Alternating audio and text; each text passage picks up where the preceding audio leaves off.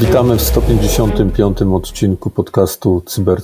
Cyber. Nadal kontynuujemy specjalne wydania związane z analizą konfliktu cyber na Ukrainie. E, dzisiaj chcę poruszyć następujące tematy. E, kolejne cybersankcje, inicjatywa ukraińskiej cyberpolicji, najbardziej popularne tematy phishingu, schakowanie rosyjskiej telewizji satelitarnej, Rosyjski rząd publikuje adresy IP biorące udział w atakach e, DDoS na Rosję, wyciek adresacji serwerów rosyjski, e, rosyjskich z domeny gov.ru i czy Rosja odcina się od internetu. E, Kamil Gapiński, Mirosław Maj.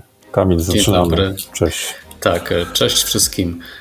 A zatem no, do kolejnych firm, kolejnych usługodawców dołączają no, duzi, potężni gracze, jeżeli chodzi o ograniczenie lub całkowite wycofanie się e, ze swoich e, usług w Federacji Rosyjskiej.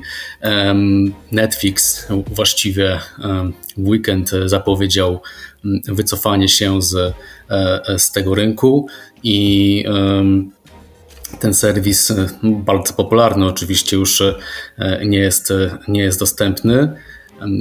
Z kolejnych tutaj w kategorii e, mediów społecznościowych, no to e, TikTok, który ostatnio zupełnie rewolucjonizuje media społecznościowe i, i media streamingowe.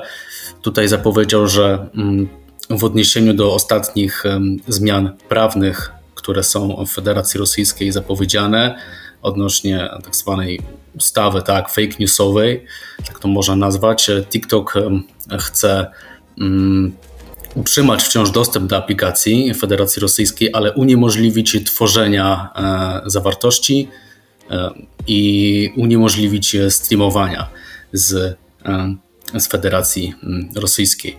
E, można to oczywiście też połączyć e, z takim ostatnim też e, propagandowym materiałem, gdzie kilkunastu influencerów na TikToku, rosyjskich influencerów, gdzieś tam recytowało po prostu w kilku propagandowych zdaniach przekaz, który idzie właśnie z Kremla. Nawet powstał taki montażowy film na, w internecie, który pokazuje, jak wielu influencerów w tym wzięło udział więc gdzieś tam mm, takie zasięgi takiej propagandy będą ograniczone. Trzeci taki istotny serwis i też ogromny, no to PayPal, tak? Usługodawca e, płatności inter internetowych. Um, z kolei z naszego informatycznego podwórka, no to e, dwóch graczy, no Pewnie słyszeliście już o Microsoftie, e, który zapowiedział ograniczenie e, i wyjście tak e, ze swoimi produktami z Federacji Rosyjskiej mm, oraz VMware, czyli dostawcy usług wirtualizacji, wirtualizacji maszyn. No, są to oczywiście w kontekście tych dwóch graczy już takie dosyć, można określić, potężne sankcje. Wiele mm, firm, wiele podmiotów właściwie gdzieś tam w całości jest utrzymywane na tych, e, na tych na produktach tych firm. E, więc tutaj, jeżeli chodzi o, o, o nowe e, cybersankcje, mm, drugim takim tematem z kolei ciekawym jest fakt, że tak zwana cyberpolicja Ukrainy otworzyła portfele bitcoinowe oraz udostępniła kolekcję obiektów NFT związanych z bohaterami wojny oraz dyktaturą Putina, więc jakby tak takie dwa produkty zaczęli powiedzmy oferować. No i mm, można oczywiście kryptowaluty wpłacać na te, te portfele, e, a zebrane środki posłużą do wsparcia policji, e, Gwardii Narodowej, e, Straży Pożarnej, granicznej oraz Państwowego Pogotowia Ratunkowego. Jest gdzieś tam obok inna inicjatywa zbiórki właśnie kryptowalut na rzecz pomocy dla Ukrainy, powiązana z powiązana z taką mm, organizacją charytatywną Binance Charity. I patrząc na stronę Binance Charity, dotychczas uzbierali 867 tych transakcji, tak, donors, czyli tych, którzy wpłacili. E, no i mm, w sumie w tym portfelu jest już 180 e, bitcoinów, czyli około 7 e, milionów dolarów.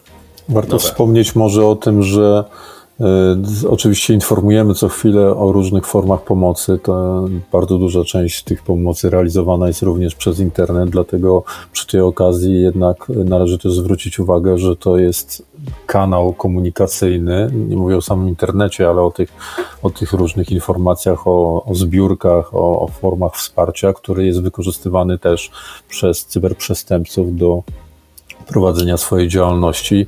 I tutaj e, w komentarzach do e, tego odcinka podcastu umieścimy linki do dwóch ciekawych analiz e, na ten temat, gdzie zidentyfikowano i przybadano najbardziej popularne tematy phishingowe, tak? Moglibyśmy to określić, schematy phishingu i oszustwa. I tutaj korzystając z tych analiz chcielibyśmy już na poziomie tego podcastu, ale zachęcamy oczywiście do dalszej lektury, ale na poziomie tego podcastu zwrócić uwagę na, na kilka takich najbardziej niebezpiecznych i najczęściej używanych.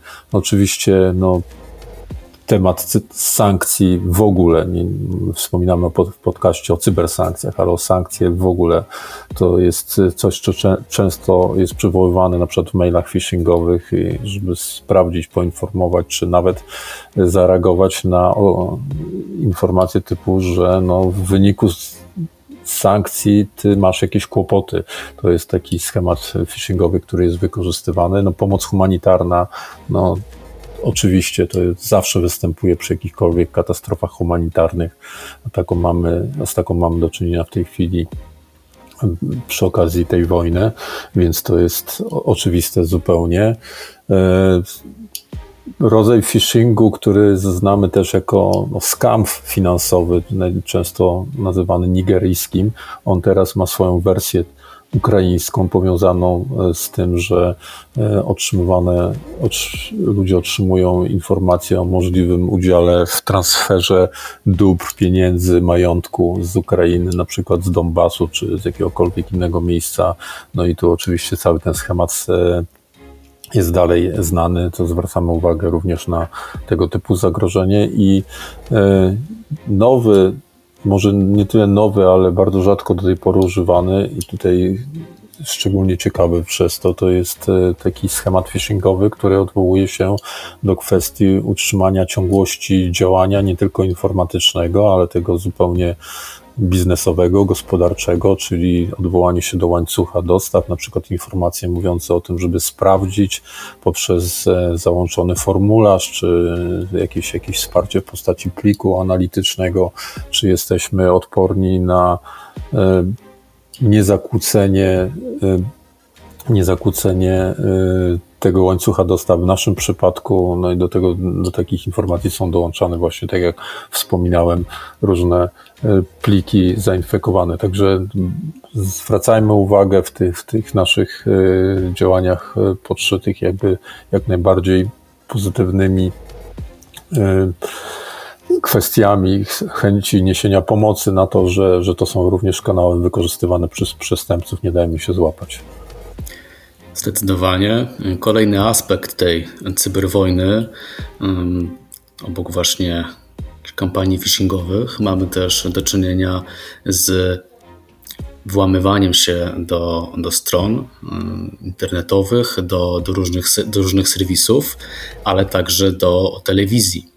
E, jak wiemy, obecnie w Rosji nie ma już praktycznie żadnego kanału telewizyjnego czy innego dużego medium, które nadawałoby e, prawdę, e, a zatem e, grupa Anonymous nie pozostała tutaj dłużna i by pokazać tę prawdę, to to się naprawdę dzieje w Ukrainie, mm, przechwyciła czy schakowała technicznie trudno to do końca określić.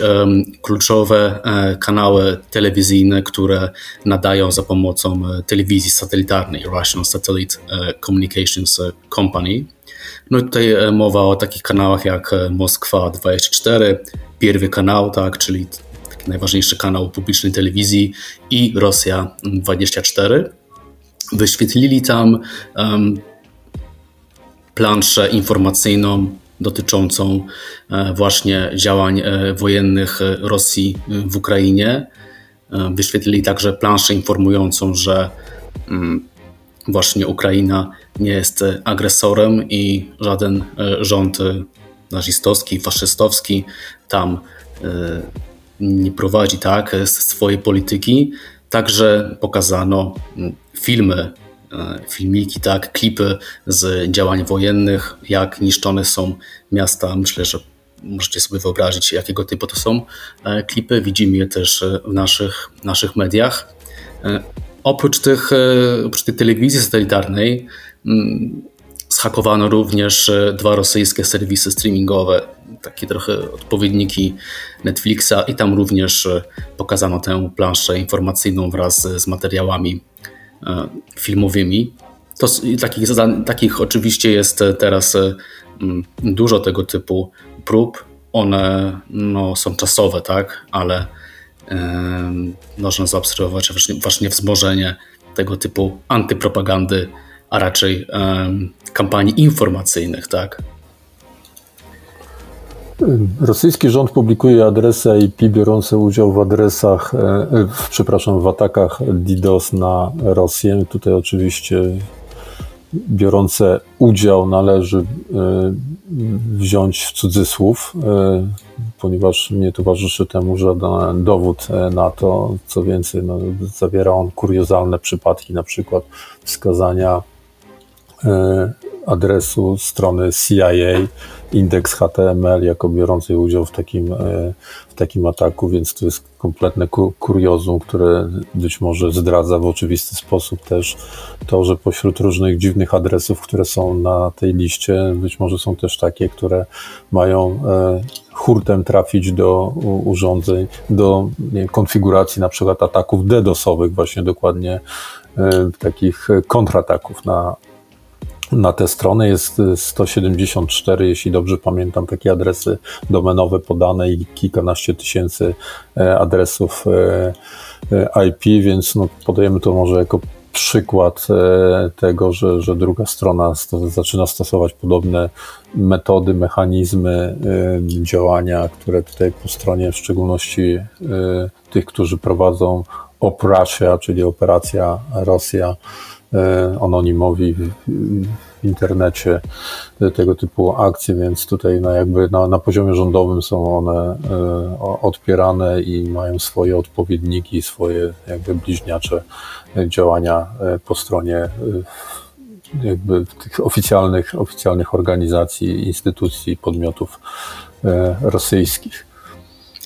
Tak, a z drugiej strony Anonymous właśnie przygotowali, tak naprawdę udostępnili kolejną e, paczkę potencjalnych, e, e, potencjalnych punktów końcowych, które można atakować właśnie po stronie Federacji Rosyjskiej, ponieważ nastąpił wyciek adresacji IP z domeny gov.ru i właśnie na Facebookie, na Facebookie, czyli popularnym serwisie wklejkowym, e, można obecnie znaleźć e, te adresy IP z tysiące e, rekordów, które zostały pozyskane.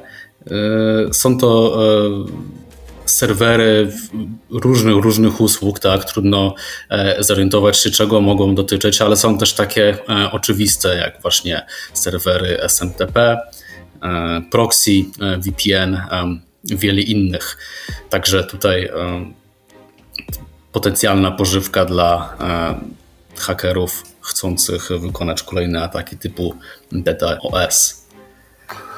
I, I tu będąc jakby przy tym temacie, który dotyczy dużej części zagadnień w tle przynajmniej technicznych, e, no chcieliśmy poruszyć też ten temat, który w tej chwili zdaje się, że e, może w następnych dniach dominować e, dyskusję w kontekście technicznych aspektów działania sieci w Rosji w szczególności, czyli temat pod tytułem takim, czy Rosja przygotowuje się do odcięcia od internetu, e, o czym niektóre serwisy donoszą, czy e, konta e, twitterowe, między innymi tak sugeruje to konto, które jest przez wielu wykorzystywane jako jedno z podstawowych źródeł informacji na temat wojny w Ukrainie, czyli mówimy tutaj o Nexta, Nexta TV. I to jest oczywiście ciekawe zagadnienie. Sami zresztą temat e, tego typu przygotowań, tego typu testów poruszaliśmy w naszych podcastach. Tutaj e, zapraszamy do sięgnięcia do archiwalnych odcinków, chociażby niedawnej rozmowy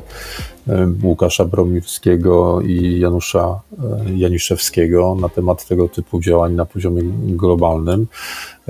Natomiast chyba na chwilę obecną nie możemy potwierdzić tego, że taka taka e, decyzja, takie, takie działanie jest przygotowywane e, wprost. Ja bym powiedział w ogóle, że właściwie to następuje takie chcąc, nie chcąc odcinanie Rosji od internetu, zarówno własne odcinanie się poprzez to, że e, rząd rosyjski decyduje o kolejnych e, wyłączeniach e, dostępu do jakichś serwisów, na przykład społecznościowych, tam gdzie Rosjanie mogliby się dowiadywać prawdy na temat wojny w Ukrainie, no ale z drugiej strony oczywiście poprzez chociażby dzisiaj wspominane działania gigantów internetowych, takich jak Apple czy, czy Microsoft, czy jeszcze inne byśmy mogli tę listę tutaj wydłużać, no to następuje też e, blokowanie tego, więc to następuje w sposób naturalny. Na pewno ten przepływ informacji jest e, znacznie mniejszy z dnia